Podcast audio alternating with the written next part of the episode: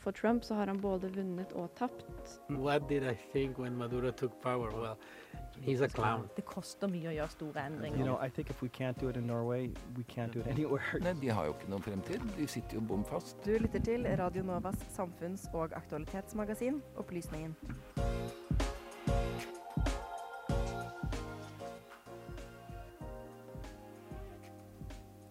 Filter nyheter skriver om høyreekstremisme og radikalisering i Norge. Vi har snakket med redaktør Harald Klungtveit om dette. Oktoberbarna ble tvangsreturnert til Afghanistan i 2017. Nå er flere av de tilbake i Europa. Vi har snakket med Ahmed, som nå håper på å kunne returnere til Norge. Og så skal du også få den kompliserte politiske situasjonen som er i Tyskland etter Bundestag-valget.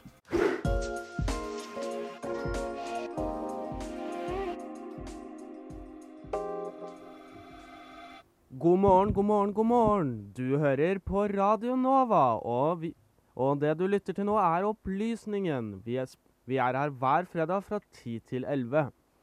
Og nå er det jo en litt sånn regnfull dag, der, dere. Og, og det, hva passer vel bedre enn å sitte her og lytte til radio? For vi har jo en time spekket med spennende innhold, som dere bare kan benke dere foran radioapparatet deres. Men jeg er jo ikke alene her for å gi dere en fantastisk time med innhold. Med meg i studio så har jeg jo deg, Lisa Benhus. God morgen. Og i tillegg til Lisa så har jeg også Amalie Sundby som skal være med og lose dere gjennom denne spennende timen med innhold. Så bare benk dere foran radioapparatet og gjør dere klar for en koselig morgen. Men det som også er rystende, er på en måte at hvor mye av det som i 2011-2012 opplevdes som helt vanvittig, det er liksom gått inn i et slags sånn politisk hverdagsspråk nå. Veldig mange av de holdningene. Radio Novas samfunns- og aktualitetsmagasin gir deg historiene, sakene og debattene andre overser. Aldri redd, alltid balansert. Vi skal snakke litt om radikalisering, skal vi ikke det, Amalie?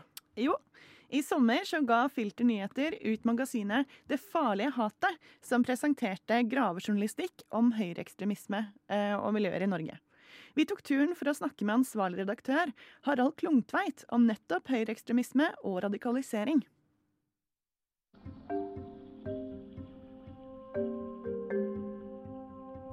Det er jo etter hvert har erfart at det, det er altfor seint å sette seg inn i disse problemstillingene og, og disse grupperingene og ideologiene når det smeller. Altså når det, når det skjer et eller annet alvorlig, enten en, en voldshendelse eller en, en trusselepisode eller eh, at de, de dukker opp i, i torg og gater, eh, nær sagt. Da, da eh, man, man må, er nødt til å være i forkant av det hvis man skal kunne formidle eh, bakgrunnen for at dette skjer. Og det har alltid liksom gnagd litt som en dårlig samvittighet eh, at vi ikke gikk enda dypere inn i de, de norske miljøene og bevegelsene eh, i kjølvannet av Breivik. Hvordan er det dere i Filter Nyheter følger opp disse individene i de høyreekstreme miljøene? Eh, Så, så vi har brukt ganske mye tid på research helt ned sånn på personnivå, altså enkeltpersoner i disse miljøene, og, og fulgt de over tid, eller i hvert fall forsøkt å følge med på utviklingen. Og det, det klarer man bare hvis man nærmest kontinuerlig borer litt i hva de driver med, både online og, og, og fysisk. Da. Det er ingen voldsom vekst i antall høyreekstremister som organiserer seg. De siste par åra så er det kanskje eh, tvert imot at den organiserte delen av miljøet i Norge det, de strever ganske tungt. Både med rekruttering og økonomi og, og samhold. Altså det har vært eh, splittelser og folk som går, eh, går ut, og, i hvert fall eh, for en periode og sånn. Men liksom overordna utviklingstrekket er utvilsomt hvor internasjonalisert det har blitt sånn helt reelt. Og i mine øyne at det ikke finnes noe sånn tydelig skille mellom de organiserte og de uorganiserte i, i farlighet, da, for å bruke et uh, litt, litt dårlig ord. Men altså peke ut hvem som kan uh, utøve alvorlige voldshandlinger eller skape alvorlige miljøer på lang sikt, så kan de finnes i, i alle fløyer. Hva slags rolle er det egentlig internettet har fått for høyreekstremisme? Det det er helt utrolig lett tilgjengelig. Altså Hvis man er en ung nordmann som ser på seg sjøl som litt lei av det politisk korrekte, eller nysgjerrig på høyreradikale stemmer, eller så, så er ikke veien så fryktelig lang derfra til å havne borti mye mer eh, konspirasjonsteoridrevet innhold. holocaust-fornektelse og inn, inn, i det ekstreme. Da. Og hvis man da er, altså er dårlig på kildekritikk og er, har en dragning i den retningen, så kan den radikaliseringen skje fryktelig fort. Hvordan går dere egentlig fram i Filter nyheter når dere dekker personer som har en helt annen virkelighetsoppfatning enn det dere har?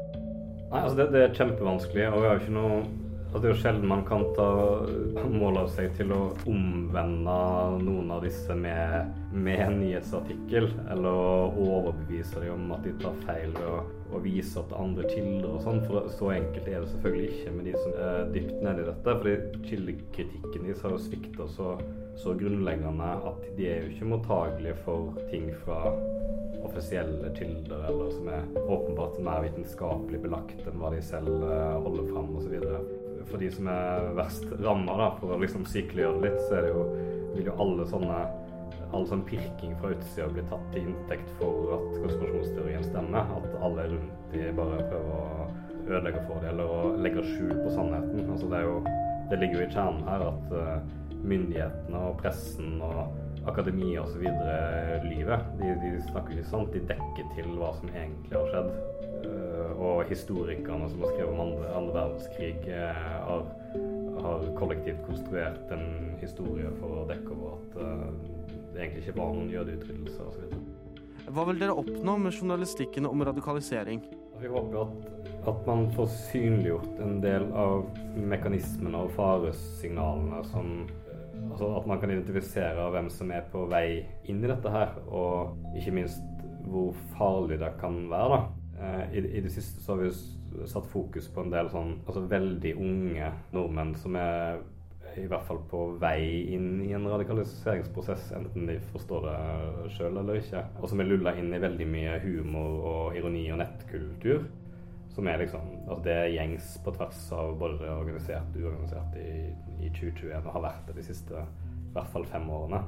Og som, som kan ufarliggjøre det, også for foreldre og skole og samfunnet ellers. Fordi de kan Altså det de alltid griper til, er å avfeie det som, som tull eller bare tabu.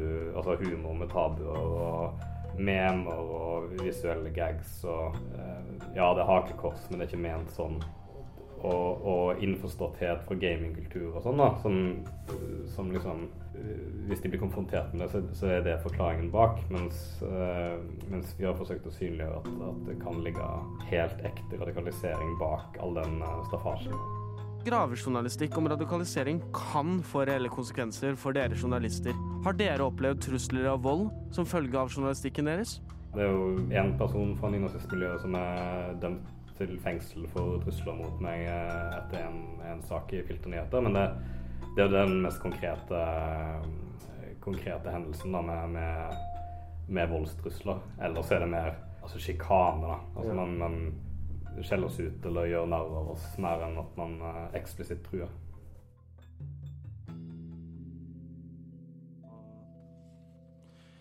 Intervjuer i saken var meg, Trym Fjellheim Karlsen. Lise Benius har redigert saken, og resten av dette utrolig spennende intervjuet med Harald kan dere høre på podkast. Nå går vi over til nok en utrolig god låt, nemlig Onslow med 'Being With You'. God dag og god fredag. Hjertelig god fredag morgen. God morgen, god morgen, god morgen og god morgen. God morgen og velkommen til Opplysningen, Radio Nova sitt samfunns- og aktualitetsmagasin. Med opplysningen 99,3 på øret, ja, da blir det en god fredagsmorgen. Opplysningen 99,3 hver fredag fra 10 til 11 på Radio Nova. Du hører på Opplysningen. Opplysningen. Opplysningen. Opplysningen. Opplysningen. Opplysningen. Hver fredag mellom klokken 10 og 11. På Radio Nova.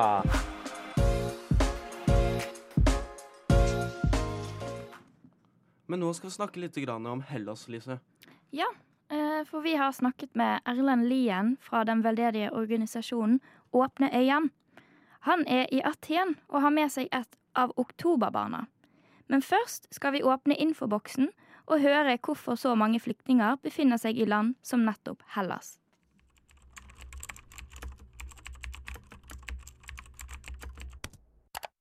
Ah, infoboksen.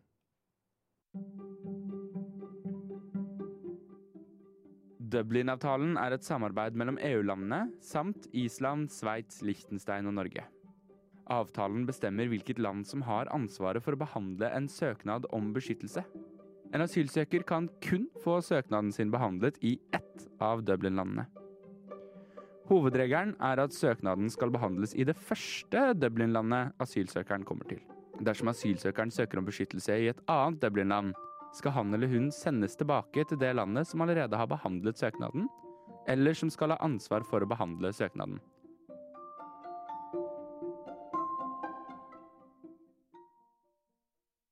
De ungdommene de finnes en eller annen plass, og de går det an å spore opp. Og det går an for de norske myndighetene å rette opp igjen den feilen de gjorde da de sendte folk ut i 2017. Det syns jeg de skal gjøre, og det blir en oppfordring til den nye regjeringa som eh, nå er i ferd med å dannes. Og jeg kan love at de kommer til å få høre det fra oss, og helt sikkert masse andre organisasjoner også. Jeg heter eh, Erlend Lie. Jeg jobber i organisasjonen Åpne øyene sammen med kona mi, Lina Tingstad. Det er en liten uh, veldedig organisasjon som bare består av oss to. Og um, vi jobber med forskjellige ting som uh, kan hjelpe flyktninger i Norge, og spesielt da i Hellas. Det var jordmora Lina som tok initiativ til å starte Åpne øyene etter flere år som frivillig helsearbeider i flyktningleirer i Hellas. Det offisielle startskuddet for organisasjonen fant sted i fjor. Siden da har Åpne øyene bl.a. delt ut artikler som klær, barnevogner og leker, og bidratt med rettshjelp til folk på flukt. Nå er Lina hjemme og smører sandwicher, fordi senere i kveld skal vi dele ut sandwicher og frukt her i Victoriaparken. Eh, sånn som vi har gjort ganske ofte i den perioden vi har vært her. Her er det mange flyktninger som holder til, spesielt flyktninger fra Afghanistan. Og det dere hører bak oss, det er eh, folk og masse unger som eh, holder til her. Eh, det er ikke så mange som bor her og overnatter her lenger. Det var det tidligere, men det er et sted som veldig mange flyktninger samles på dagtid og kveldstid for å møte hverandre og for å være sosiale. For det er mange som har veldig dårlige boforhold. I 2015 kom over 5000 enslige mindreårige asylsøkere til Norge. De fleste ankom i løpet av høsten, og fordi mange av dem manglet kjent identitet, ble fødselsdatoen deres satt til dagen de registrerte seg som asylsøkere. Mange ankom i oktober, og dermed oppsto begrepet oktoberbarna. Noen fikk avslag på nytt, men eh, ganske mange av dem fikk ikke mulighet til å søke. Og av forskjellige grunner har de da ikke fått saken sin opp på nytt, men har enten vært sendt tilbake til Afghanistan eller og blitt der, eller de har eh, blitt sendt til Afghanistan og reist tilbake til Europa. Det er ganske mange av de, kanskje rundt 100, som eh, på en eller annen måte lever i Europa lovlig eller ulovlig, eller det at norske myndighetene har uh, sendt ut folk på den måten og ikke tatt ansvaret for uh, skjebnen til de folka her, det er en skam. Og det er noe som de norske myndighetene burde ta tak i på nytt. Ja, vi som har jobba med flyktninger i Norge og som møter flyktninger som har vært i Norge når vi reiser ut på flyktningleirene i, i Hellas, vi tar jo selvfølgelig litt ekstra kontakt med de som har vært i Norge. og Det er jo litt fint å snakke norsk med dem. Og det er jo veldig trasig å være fra Norge og vite at uh, myndighetene våre har sendt ut folk som bare blir sendt ut til en ny flukt på nytt. Så man føler jo litt ekstra ansvar som nordmann. Og å kunne ta seg litt av de som uh, har vært i Norge og blitt sendt ut. I juni 2016 vedtok Stortinget at det såkalte rimelighetskravet skulle fjernes fra utlendingsloven. Resultatet av lovendringen er at det ikke lenger er et krav om å vurdere hvorvidt det er rimelig å sende ungdommer til et sted der de ikke har omsorgspersoner. Mange av oktoberbarna fikk en midlertidig oppholdstillatelse som innebar at de måtte forlate Norge da de fylte 18 år. En av dem var 24 år gamle Ahmad, som i dag befinner seg i Aten og er en av dem som får hjelp av Åpne øyene. Uh, vi har fått beskjed fra SS-sokker UDI i Norge som der sendte oss mange papirer. Som det var brev fra UDI du har fått avslag, og det betyr du må reise tilbake til Afghanistan. Jeg var veldig, veldig trist, fordi vi har prøvd å snakke om mange ting. Som uh, vi har prøvd å lære språket norsk. Og så vi har prøvd å gå på skole og jobbe, eller mange band som bor der. Norske folk eller asylfolk. Vi har prøvd å bare finne en god vei til å gå fram for å finne jobb eller bo der i Norge og uh, kjenne kultur fra Norge. Jeg hadde så mye å tenke om det da jeg har fått avslag fra SSOG. Jeg kan jo skyte inn en kommentar her. for Ahmad er jo et eksempel på hvor ekstremt dårlig den norske flyktningpolitikken kan slå ut. Og spesielt da når det gjelder det her med retur til eh, såkalt trygge områder.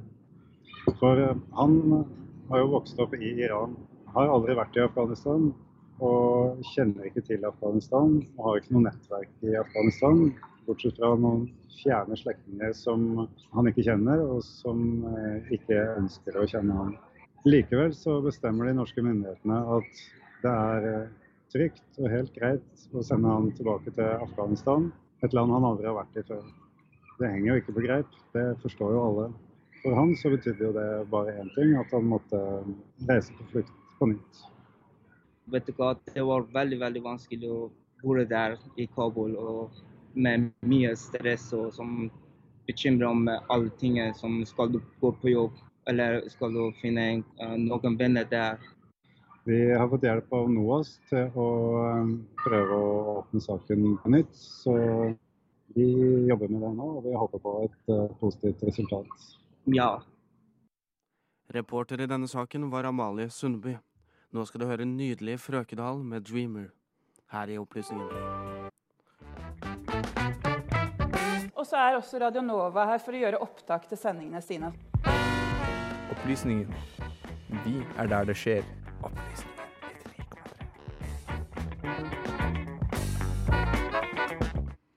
Sist søndag var det valg i Tyskland. Ja, det var litt av en valgthriller.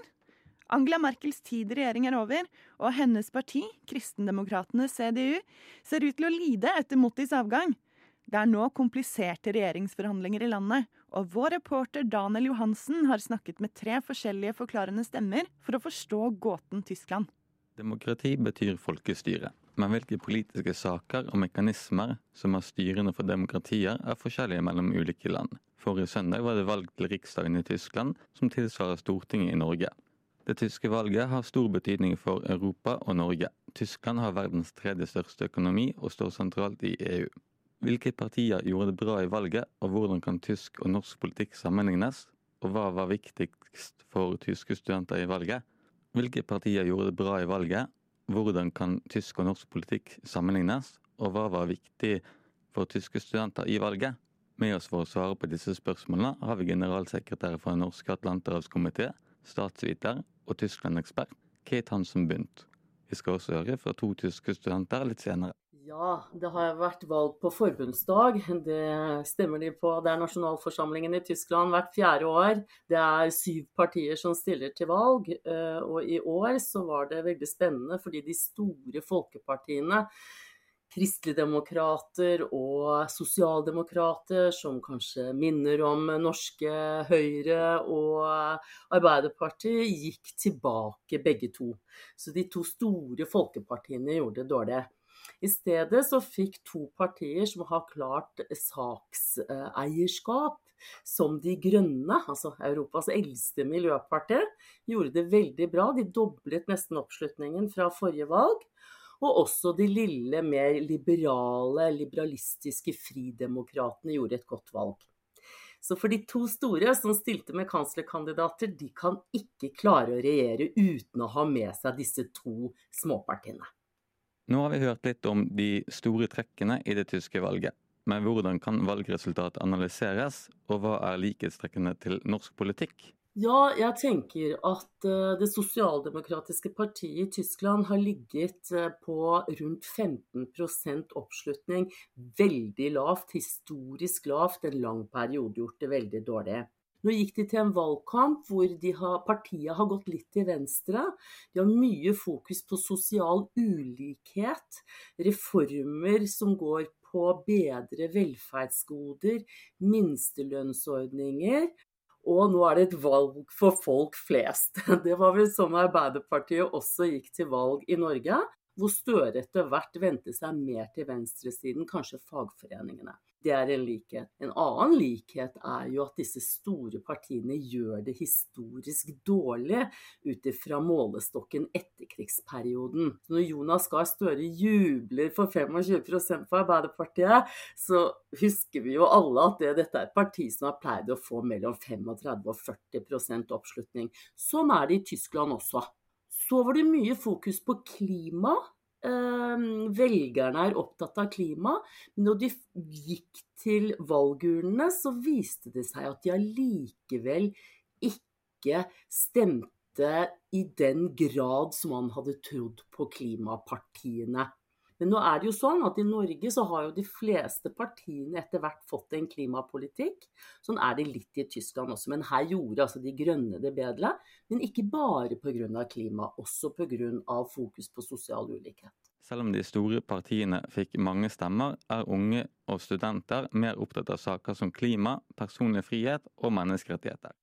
Jeg syns det er veldig spennende å se at de unge i Tyskland de har vendt ryggen til de store folkepartiene. De har stemt enten på Miljøpartiet De Grønne eller på Fridemokratene. Et lite lillebroren på den borgerlige siden, lite liberalistisk parti, men som er veldig opptatt av rettsstaten, friheter, eh, personlige friheter.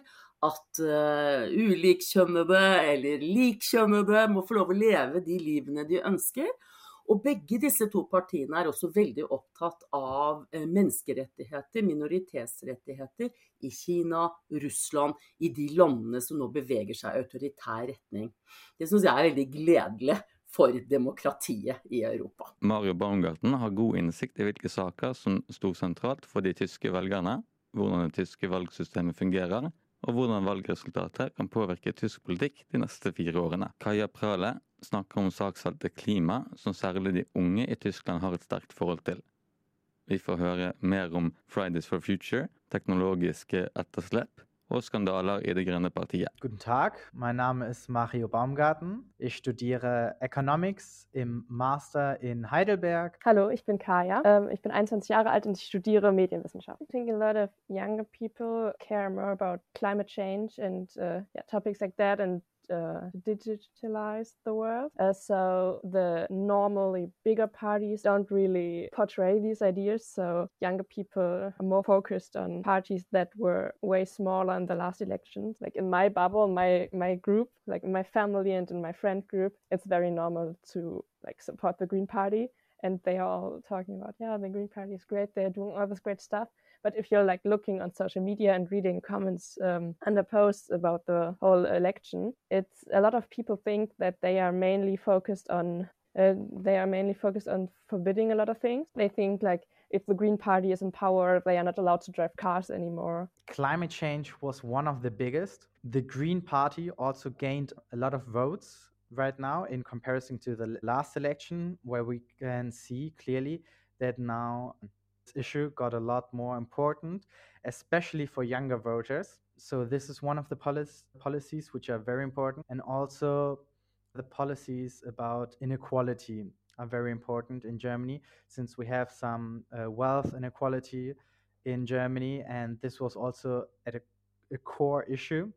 So these two were, in my opinion, one of the biggest issues for this pain, how to deal with uh, wealth inequality and, of course, like the climate uh, change issue. I likhet med den norske valgkampen ble også den tyske valgkampen preget av klima og sosiale ulikheter.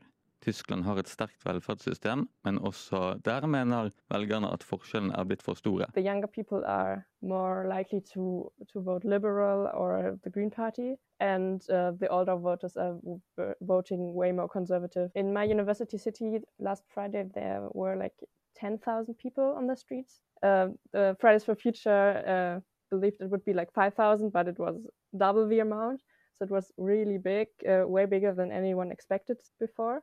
And um, basically, it's they want to get politically involved, but they are not allowed to because they can't vote. So they are searching a different way. um, and all the people that are still allowed to vote, they are still trying to like set a focus on climate change. So just politicians believe it's a an important yeah, topic, and a lot of people need to talk more about it. Germany has a very complicated uh, electoral process. First of all, we have a parliamentary system. So it's not like in the US, um, which is the presidential system where you can vote either for Donald Trump or Joe Biden, for example, last year. Here we don't vote our Bundeskanzler, which is our kind of leader. Um, we don't vote it directly. We instead vote for parties. Sammenlignet med det norske valgsystemet er ikke det tyske valgsystemet så ulikt. Den store forskjellen er at i Tyskland har man to stemmesedler. En for direkte mandat, altså personstemme, og en for partiene. Each of the candidates had like a lot of uh, scandals, so that was really complicated. And also the Green, the, the woman for the Greens, she had uh, like a lot of scandals. So that's maybe the reason that why they didn't win that much as some people as expected. It's very different where you're where you're at because like in the east of Germany, there's also a lot of young people that are voting for the, the right party. So the right party has also a lot of young voters. So I think it's that's probably completely different what they are interested in. But like in my region, that's that's the, the main points. Kaja snakker her om Alternativ for Tyskland, AFD, som står spesielt sterkt i Øst-Tyskland, hvor de bl.a. tiltrekker seg mange unge velgere.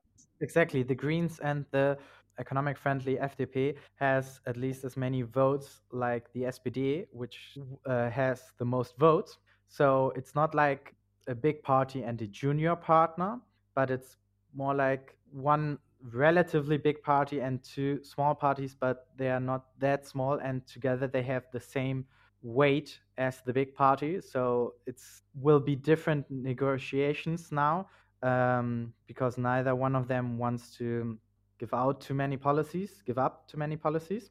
And yeah, it's especially now interesting to see that we will have probably, it's not clear, it's also possible, I just want to point that out, that the CDU, the center right policy, the Christ Democrats, could probably also form a, a, government together with the Greens and the FDP. So it's not 100% sure. It's just until now, if you see the results more likely. But we will see because it's very rare that over 70% of the voters didn't vote for the chancellor. FDP er forkortelsen for Fridemokratene, mens SDP er forkortelsen for Sosialdemokratene. Det spesielle som Mario nevner, er at over 70% av velgerne ikke stemte på kansleren. Dette har sammenheng med den varslede avgangen til Angela Merkel. I think for the last 16 years we had the same party in power, it was the CDU, and uh, yeah, they didn't do enough in my view uh, for for climate change and uh, yeah to stop climate change uh, and to get to the 1.5 degree line, but. Uh, there are some parties that really are trying to yeah do a lot to stop climate change or, or more likely to uh, do do something against uh, coal energy, basically, or to do more for wind energy and solar energy. The younger people are more likely to to vote liberal or the Green Party, and uh, the older voters are voting way more conservative. So that's like a big difference because the young voters are not there's like a very very small part of the young voters that are voting for the conservative party but by the old voters like the voters i think 60 plus there's like most of them are voting for one of the two biggest parties like the yeah the conservative or the spd that's like the workers party or originally. So yeah that's uh, very different. Um, that's one of the things. And then also basically that buses and trains are getting better and uh, less expensive because a train ride in Germany is so expensive that it's easier or cheaper to just fly somewhere in the same country because it's like one third of the price in the end. So it's like so much cheaper. And that's one, what, one thing that's also kind of climate change. Reporter i denne saken var Daniel Johansen. Og nå skal dere høre Killing Butterflies med låta Feiging her på Radio Nova.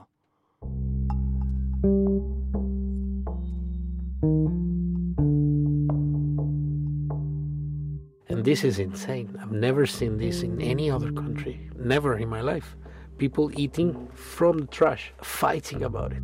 Eh, Når så mange er ensomme, så ligger jo på en måte ikke dette på, på individleger. Det ligger på systemet. Vi er i ferd med å ødelegge evnen vår eh, permanent kognitivt i hjernen til å konsentrere oss over lengre tid. Radio Novas samfunns- og aktualitetsmagasin gir deg historiene, sakene og debattene andre overser. Aldri redd, alltid balansert. Opplysningen 99,3.